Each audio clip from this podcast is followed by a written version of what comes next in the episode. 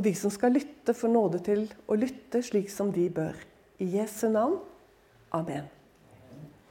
Vi trenger jo nåde til alt. hva? Vi trenger nåde til å snakke, og vi trenger nåde til å lytte. Og vi får det.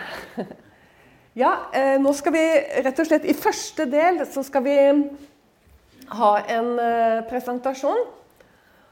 Og i andre del skal vi ikke ha det. så, er dere, så er dere forberedt. Eh, fra begynnelsen.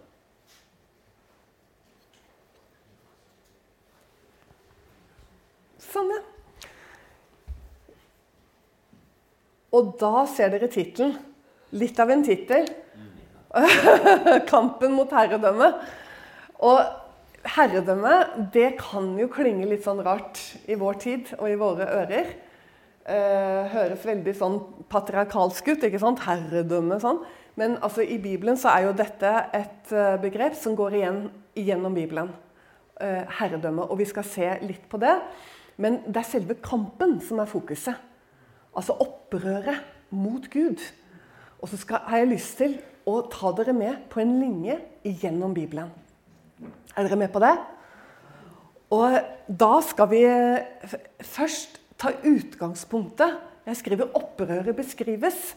Og Salme 2, dere. Jeg eh, hadde jo ikke muligheten, og, heller ikke lyst, til å ta med hele salmen. Men jeg har lyst til å råde deg til å på ny lese Salme 2. For det er en så ubeskrivelig viktig salme. Vi vet ikke hvem som har skrevet den. Det står ikke noe tittel. På mange av salmene så står det jo en salme av David eller en salme av Asaf eller noe sånt. Eller kor av sønner. ikke sant? Men salme 2 står det ingen, og det betyr at man vet ikke hvem som har skrevet den. Jeg har en følelse av at det er David. Men det er litt Det er bare min mening, så det kan ikke du notere. Det er bare min mening at jeg tror det er David. Eh, det har litt med at eh, det er sånn en eh, Det er, det er så mye flott profeti. Det er så profetisk, salmen, og derfor så har jeg en opplevelse at det er han. Og som jeg sier, det er viktig inn i vår tid. Og så er det så spennende, for dette er jo da skrevet ned en eller annen gang skal vi si, mellom 500 og 1000 år før Kristus. Litt etter hvem som har skrevet den. Men tenk, ikke sant, der står det allerede der står det at Gud kommer igjennom da, denne profetens munn, som har skrevet det, og sier 'Jeg har dog innsatt min konge på Sion'. Sånn, det er sånn Oi! Eh, er den, den, strekker så utrolig vidt ut i tid. Og den kommer også med noe annet fantastisk. Eh, og det er 'kyss sønnen', står det. Altså Sønnen kommer, blir åpenbart her i Det gamle testamentet. Og det er jo ikke mange gangene at Sønnen eh, kommer fram. Og det gjør han også i Salme 2 og, en, og mye annet. Men jeg hadde lyst til å ta deg med inn i begynnelsen. Hvorfor larmer folkeslagene? Og hvorfor grunner de på det som fåfengt er? Er det ikke en fin åpning? Det er liksom fordi at Gud har på en måte bare bestemt det. Liksom til helt til slutten. Alt er satt. Alt er, alt er bestemt. Det er, ingen, det er ingen grunn til uro her.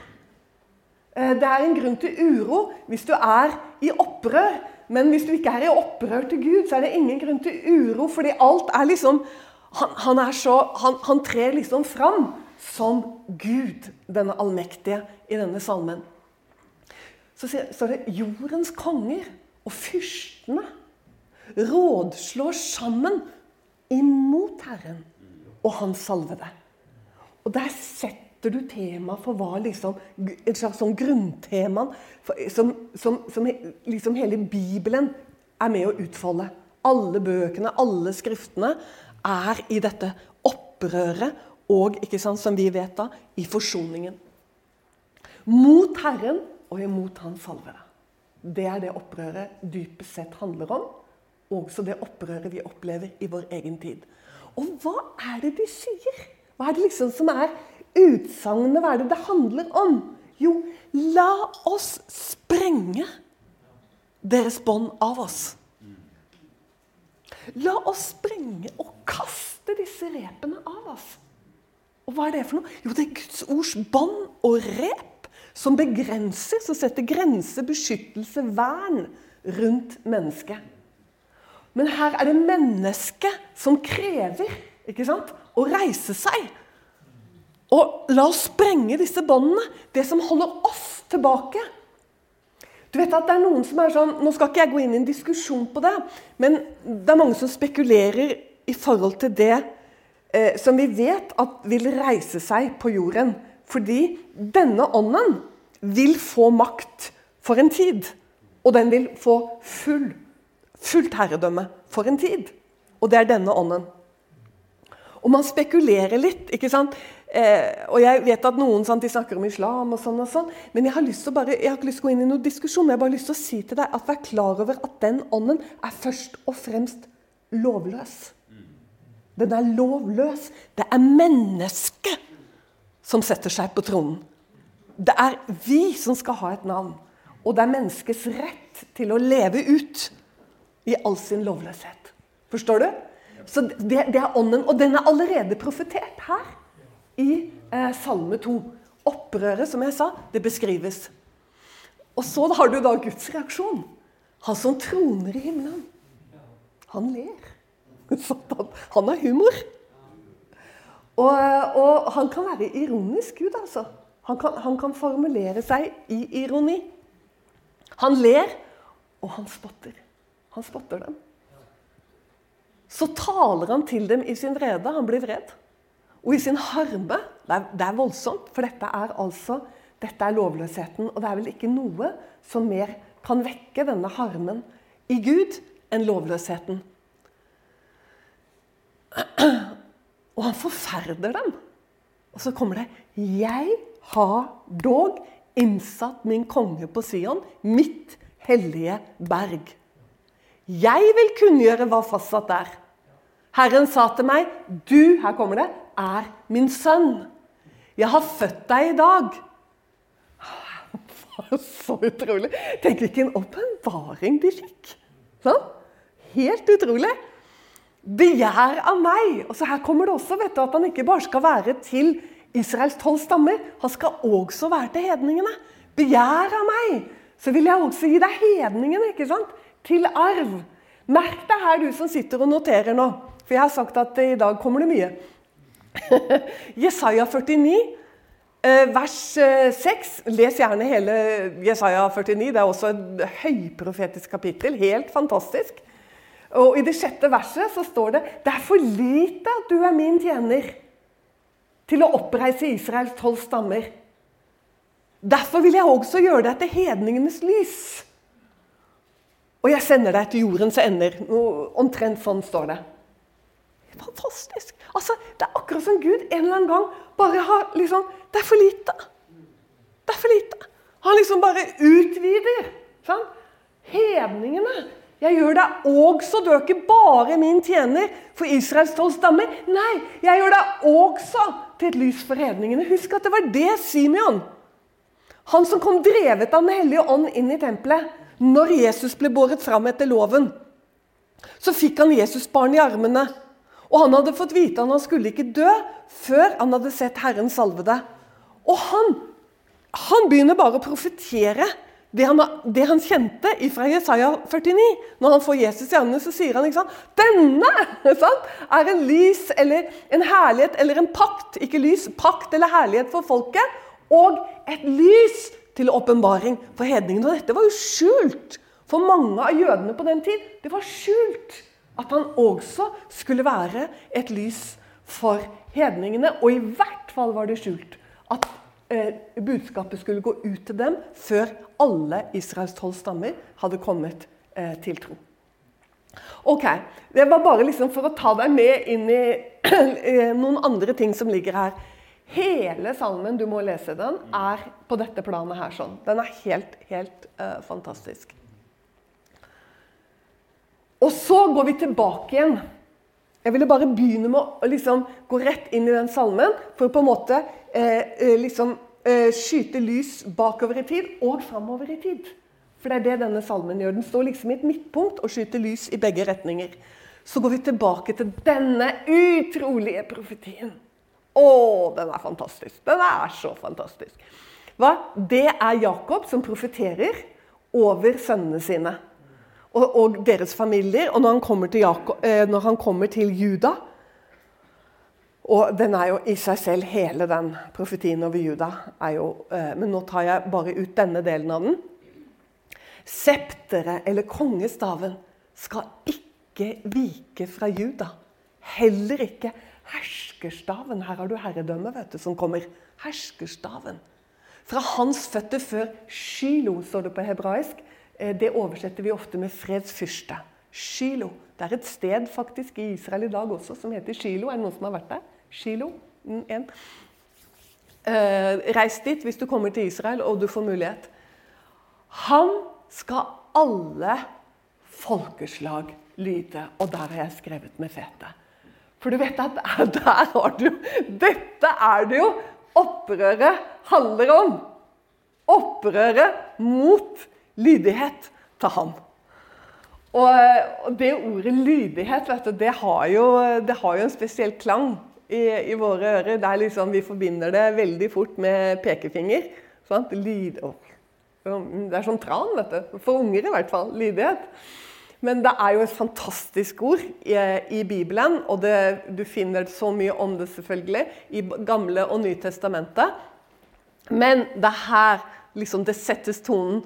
Ham skal alle folkeslag lyde. Og da med en gang så begynner jeg å tenke vet du, på det som står i Johannes' åpenbaring. Er det ikke femte kapittel? Han har kjøpt oss tilbake til Gud. Sant? Han kjøpte oss tilbake til Gud fra alle folk og stammer og tunger og ord. Og det kommer jo her, altså. Allerede i Bibelens første bok, i kapittel 49, denne profetien. Alle folkeslag. Og så kan du notere her raskt hvis du vil. Hvis ikke kan du få de av meg eh, etterpå. Eh, de øvrige henvisningene der sånn. Vi må nesten bare eh, gå videre der. Og så har jeg lyst til du, her må du, Dette må du ikke her må du ha med. Fordi det fantastiske er Nå tar vi et kjempe syvmilsskritt i Bibelen. Og så er vi nå i fjerde Mosebok, og vi er hos denne underlige profeten Biliam. Og han eh, er jo eh, eh, Han er jo på en måte Han er underlig, men han er ikke bare underlig. Han er jo, han er jo en forferdelig skummel profet. Fordi at du vet Hans hjerte er jo ikke på plass hos Gud. For han har nemlig Han har, han har jo lysten ikke sant, til de andre ting. Så hans hjerte er ikke der hos Gud. Og så er det noen som liksom lurer litt på hvem han var, og sånn og sånn. Og det skal jeg ikke gå inn i sånn rent etnisk. Men han var en Herrens profet, det må du regne med, for han kjenner Israels Gud ved navn. Og han, han vet å spørre Gud før han gjør noe. Men det har ikke så stor betydning, fordi hjertet hans er ikke helt med Gud. Og Derfor er han viktig også å lese og forstå også for oss i Det nye testamentet. Men han profeterer jo når han endelig kommer. Han drar jo av gårde for å forbanne Israel. Så får han denne beskjeden at han at han kan ikke tale noe annet enn det Gud legger i munnen hans. Og antageligvis så greide han det ikke rent fysisk heller. Fordi han hadde så lyst til å forbanne ham. Sånn at jeg, jeg tror bare han, han, Gud tok kontroll over tungen hans, så han klarte ikke noe annet. For de profetiene som kommer igjennom denne profeten, de må du ta til deg. Fordi at de går jo, de, Han ser jo langt. Han ser jo inn i vår tid og det som ennå ikke har kommet. Og merk deg at han i sin helhet, nærmest med blåkopi, siterer Jakobs profeti over stammen Juda, som vi som vidt var innom. Han tar den nesten i sin helhet. Så kommer den mange århundrer etterpå så kommer den igjennom Biliams menn. Den samme profetien som Jakob talte over Juda. Den kommer igjen! Og det syns jeg er så suverent. Merk deg dette med det profetiske. Hvordan profetiske ånder er profeter lydige. Altså, Man profeterer liksom ikke bare, skjønner du? Men det har med ordet å gjøre når man profeterer. Og det har det også for Biliam, og han kan ikke noe annet. Jeg ser ham, men ikke nå. Jeg skuer ham, men ikke nær. En stjerne trer fram fra Jakob.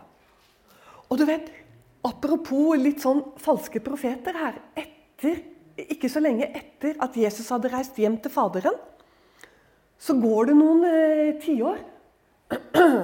Egentlig en god del tiår. For rundt 135 etter Kristus så kom jo denne Bar Korpa. For du vet at denne profetien er levende i Israel.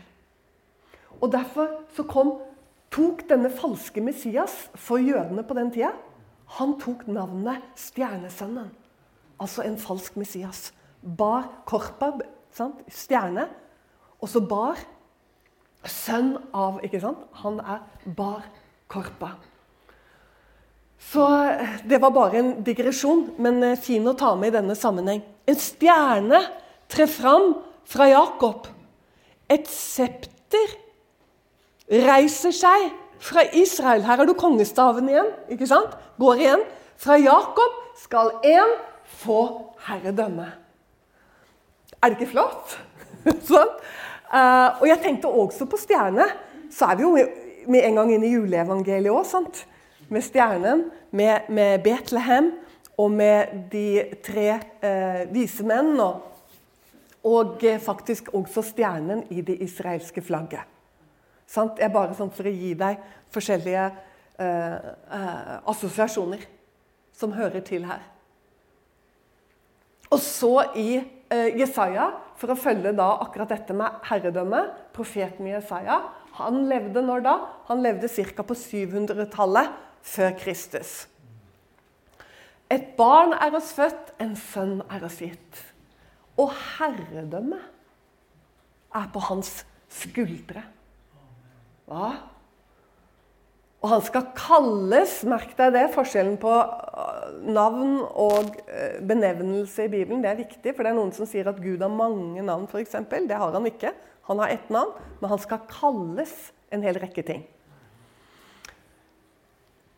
Han skal kalles rådgiver, veldig Gud, evig far og fredsfyrste.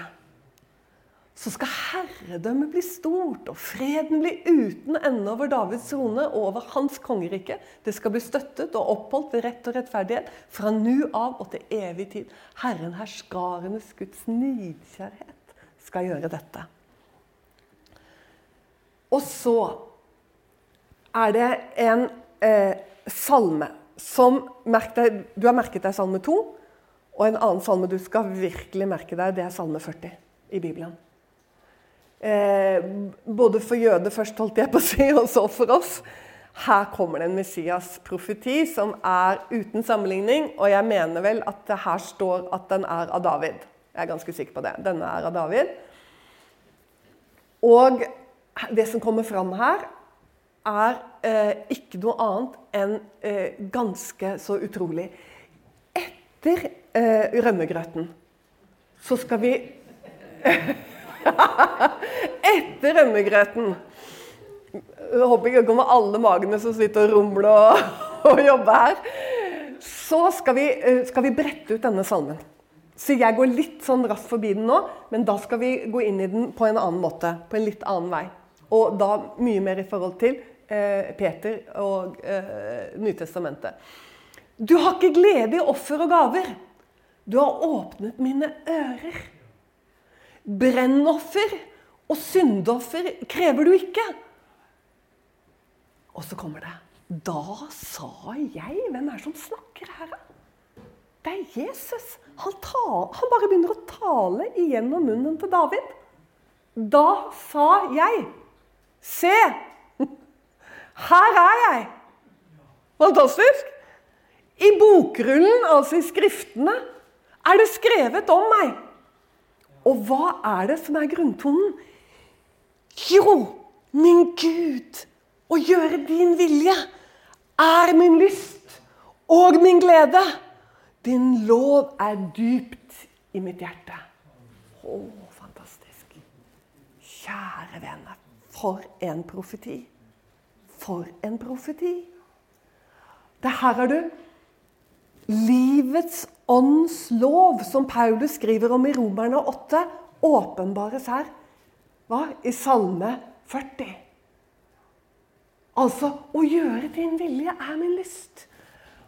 Og det er jo det, altså Dette måtte jo Gud gjøre. Han måtte komme med denne vilje. Det er en vilje som måtte bli født inn i mennesket. Som kunne seire over opprøret. Det måtte komme en vilje, og det er jo denne viljen som det står om eh, i Det nye testamentet. Ved, det, ved, denne vilje er vi alle ikke sant, helliget én gang for alle. Altså, det er en vilje som kommer. Og det er det Jesus sier igjennom profeten David. Tale, se her er jeg. Og jeg kommer, og det er skrevet om meg i bokrullene at jeg kommer. Og hva kommer jeg for? Jo, jeg kommer for å innsette viljen ved min vilje. sant? Så skal han, han sier ikke noe mer om det. Han sier bare at hva er hans vilje? Jo, det er hans lyst, det er hans glede. Og du ser Her får lydigheten et helt annet perspektiv. Det er min glede, det er mitt ønske, det er min vilje. Å gjøre din vilje. Den kommer her i Salme 40. Du, tenk deg, det, det må bare aldri skje, for det er vel ikke vedtatt. Men jeg syns det bare nå som vi sitter her bare og koser oss i disse vidunderlige profetiene, og tenker på at det er et forslag om at Den norske kirke ikke lenger skal sitere da i gudstjenestene fra Det gamle testamentet. Jeg, jeg bare tenker, og, og, I går så hadde vi jo apostlene. Nei, hør nå, jeg, til, jeg, må jo si det i riktig rekkefølge. Jeg syns det burde stå profetene og apostlenes grunnvoll. Det er grunnvollen. Vi kan ikke slutte å sitere fra grunnvollen. Ja, Det var igjen en digresjon, men på sin plass. Og så, dere Her er også litt digresjon, men egentlig ikke. For det, det er bare så lyst Siden det er seminar, så syns jeg det er lov. Jeg lovte dere jo at vi skulle innom en, en masse. Siden det er seminar. Israels navn må vekk. Og nå er vi i Salme 83. Nå har du fått Salme 2, du har fått Salme 40, og nå får du Salme 83. Og jeg skal si deg for ganske mange år siden, når jeg var på kne i bønn, ropte til Gud Og jeg tror det var et eller annet i forhold til Israel som skjedde. Og så plutselig Du vet at dette er mange år siden, og jeg kjente ikke Skriften så godt, men så plutselig så kommer det én setning til meg. Og det var Gud ti ikke. Så tenkte jeg, Hvor kommer det fra? liksom? Gud ti ikke. Og hold deg ikke rolig, Gud. Det fikk jeg. Ante ikke hvor det sto. Og så uh, fant jeg det, og det var salme 83. Og da tenkte jeg denne salmen Da var det som jeg liksom leste den for første gang. Den er viktig, den. Gud, ti ikke, og vær ikke, sti vær ikke stille, og hold deg ikke rolig, Gud. Du vet at Vi får beskjed i, i Skriften om å minne Gud. Minne Gud. For se dine fiender larmer, og de som hater deg, løfter hodet. Mot ditt folk legger de med svik hemmelige råd. Og de rådslo mot dem du verner. Altså, han verner jødene. Og så står det her at han, det er et råd og et svik imot dem som han verner. da. Og de, Hva er det de sier for noe? Det står jo ofte hva de sier. Det er jo fantastisk. Kom og la oss utslette dem. Det har de plukket opp, liksom. Hæ? Tusen år før Kristus så ble det plukket opp. Så, Kom, la oss utslette dem. Hvorfor skal de utslette dem, da? Jo, for at Israels navn ikke lenger skal kommes i hu. Du vet, Navnet Israel Vi tenker liksom, ja, det er staten i Midtøsten, men du må, du må det, det, det, kan forstyrre og skurre sånn på en måte. fordi Israel det er først og fremst nasjonen. Nasjonen, språket, folket, Bibelen, kulturen. Det er Israel. Israel må vekk! Hvorfor må Israel vekk? Hva, hva, hva er det? Altså, det, er bare, det, er ikke bare, folket som må utryddes, men de må utryddes for en grunn. Det er noe med Israel som er så ubehagelig. Det, det, er navnet Israel som er så ekkelt. Vet du hvorfor det er ekkelt? Fordi det ligger en profeti i navnet Israel. Det, det, får, det får, det får eh, opprøret til å rase, dette navnet. Fordi du har lært at det betyr de som kjemper med Gud. Men jeg holdt på å si at det er så dårlig oversettelse at det nesten blir en løgn. Fordi dette verbet på hebraisk for å kjempe det kan ikke brukes som 'kjempe med Gud'. Det brukes bare i sammenhenger om å kjempe for å seire. Det er jo derfor det er så ufordragelig. Skjønner du? Det ligger å kjempe for å seire. Og hvis du ser på det, det er satt sammen av Isra og El. El er Gud. Isra er et helt ubeskrivelig fantastisk. Og det er her du har Sara. Og det er her du har Sar. Sar betyr prins. Sara betyr prinsesse eller fyrstinne. Sånn at eh, Alfred Jones, det kan du merke deg Dictionary of Old Testament Proper Names. Det, jeg, jeg, mener det, han, det er den beste dictionaryen på navn i Bibelen. Han skriver det sånn, eh, der, eller der skrives det sånn, at eh, Israel betyr han skal regjere med Gud.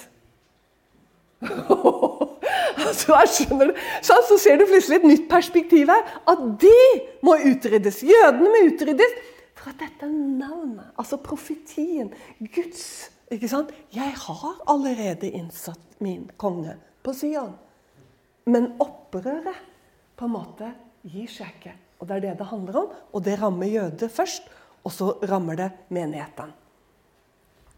Og det må, det må, vi være klar over, at når vi snakker om forfølgelse, så må vi også huske på forfølgelsens mor.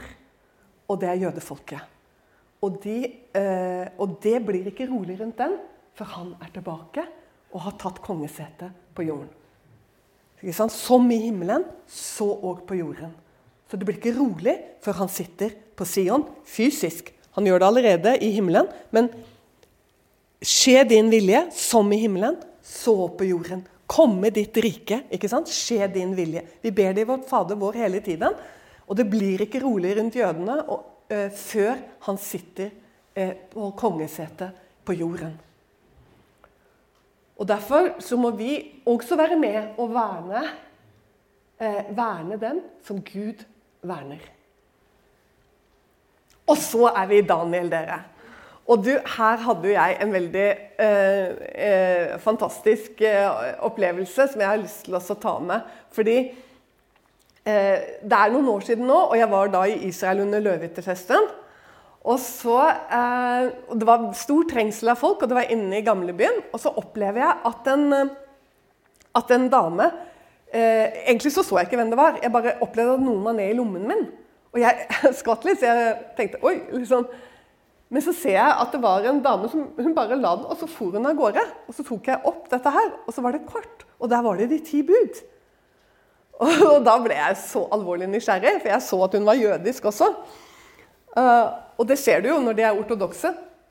Så jeg løp etter henne og så sa jeg, du, du, du, sa jeg, ikke sant? Uh, 'Hvorfor la du dette i lommen min?' Og så sa hun Det var jo så søtt.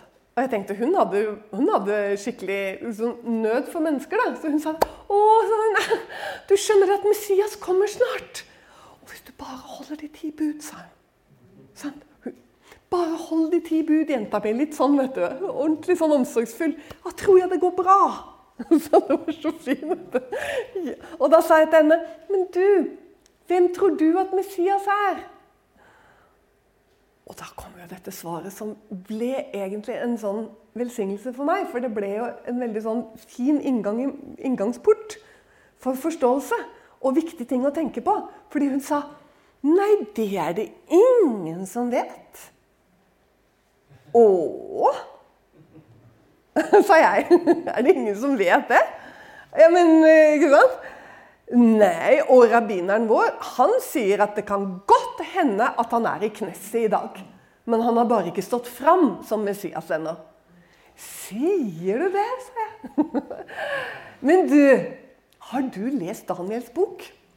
Mm, nei, hun, hun, eh, måtte innrømme at det, hun husket ikke så, fall så veldig godt at, hva som sto i Daniels bok. Så sa jeg du, når du kommer hjem, jeg, og i kveld at du da blar opp i kapittel 7, og så leser du det som står der. For du skjønner, da kommer du til å vite at han ikke er i Knesset. Å, sa hun. Ja, men da skal jeg gjøre det, sa hun. ja, gjør det. Og du vet, sant? Dette er jo et litt sånn vi kan, sant? vi kan le. eh, vi kristne. Vi, vi ler litt da. Men du vet at det skumle er at hvis du ikke kjenner Guds ord dette, dette ble et litt sånn ekstremtilfelle, ikke sant? men vær klar over at det er faktisk eh, Hun er langt fra alene. Og jeg har hørt det flere ganger. At, eh, at jøder som tror at han er i Knesset. Og det sier noe om hvor langt bort da, man kan rote seg ifra Skriftene. Når nok kan du si, mennesker legger sine, eget, eh, sine, egne meninger over dette her. Sånn at eh, men for oss alle gjelder jo det. For Jesus sa jo at hvorfor, hvorfor går dere vill? Fordi dere ikke kjenner Skriftene. Og det ville han jo sagt til denne kvinnen òg. Og heller ikke Guds kraft. Altså viktigheten at vi kjenner det profetiske ord. Særlig for oss som lever i den tiden vi gjør. Og hva er det Daniel sier til oss? Jo, han så noe i sitt nattlige syn. Han, og han sier 'Å se'. En som var som menneskesønnen kom i himlende skyer. Det var noe annet enn Knesset var. Jeg tenker hun får seg en liten overraskelse der. Han kom bort til den gamle av dager, og de førte ham fram til ham. Og så ble det gitt han herredømme. Og det er jo det som er så fint. For én ting var at han så noe som kom i himlende skyer, men det behøvde jo ikke være Messias. Men her vet hun jo at det er Messias. For det ble gitt han herredømme. Og ære og rike. Så alle folk og folkestammer, og her er vi inne i Johannes' åpenbaring, og tungemål og alle sammen, skal tjene ham. Og hans herredømme er et evig herredømme. Og er ikke det deilig? Vi kan nesten ikke si det nok ganger. Som ikke forgår, vet du. Hans rike er det som ikke ødelegges. Men retten skal bli satt. Nå bare har jeg tatt det i rekkefølge, liksom. Men egentlig så hører jo dette til før. Ser du? Men retten skal bli satt, og de skal ta bort hans herredømme. Her har du nettopp dette andre herredømmet som jeg kalte i går for Nimrod. Altså dette lovløse herredømmet som kommer. Og her står det dette herredømmet skal tas bort. Og hva står det for noe? For å ødelegge det og utslette det, takk og pris, for all tid. Deretter skal riket og herredømmet og storheten til rikene overalt under himmelen bli gitt til Guds hellige folk. Hans rike er et evig rike. Og alle der kommer det, makter skal tjene og lyde ham. Helt i harmoni, selvfølgelig, med de øvrige skrifter. Og så vil jeg bare vise deg noe. Sånn, for noen ganger så, Du har kanskje hørt om erstatningsteologi og, og alt. Jeg klarer, ikke, jeg klarer ikke, å forstå. Sant? Det er så mye. Hvordan skal jeg forklare dette med jødene og menigheten og vår tid og løftene som fortsatt er over dette folket? Men jeg, Det er selvfølgelig mange mange steder i Nytestamentet å bruke. Men jeg har bare lyst til å gi deg en liten en som ikke er så vanlig. Og det er det ingen ringere enn engelen Gabriel. Og vær klar over Gabriel. Han dukker opp noen få ganger i Bibelen. En gang i Det gamle testamentet. Han kommer til Daniel, nemlig. Han snakker med Daniel. Det er engelen Gabriel som snakker med Daniel. Og det er jo fantastisk, for han er jo Messias-varsleren. Og han varsler ikke sant, om Messias til Daniel. Og det er jo mange århundrer. Daniel levde på 500-tallet før Kristus, så det er jo mange århundrer før. Og så er han borte. Og han var borte før Daniel òg. Men så dukker han opp igjen. Først for eh, eh, pappaen til døperen Johannes inn i tempelet og varsler. Eh, og så drar han opp til Nasaret og kommer til Maria. Og så sier han disse denne fantastiske tingene som han forteller henne. Men noe vi kan lett se forbi. Han skal være stor, og han skal kalles den høyestes sønn. Og Herren Gud skal gi ham hans far Davids trone, og han skal herske over Jakobs hus for evig. Og du vet at Der er det veldig fint òg at det ikke står Israel, men det står Jakob. Fordi når Jakob brukes som benevnelse på folket, så betyr det alltid Og det, det er ikke alltid så enkelt med Israel. Men hør nå. Med Jakob så betyr det alltid hele jøden. Altså det betyr jødene. Du kunne Egentlig så kunne det stått og han skal herske over jødene for evig. For Jakob er jo stamfaren. ikke sant? Jakob er stamfaren for de tolv stammene. Så derfor står det han skal herske over Jakob. Han skal herske over jødene. Fantastisk. Så eh, han nevner jo ikke engang hedningene her når han kommer til Maria. Han kommer som oppfylleren og løftene for folket, eh, for folket sitt. Stå med oss økonomisk og i bønn. Du finner oss på utentvil.com.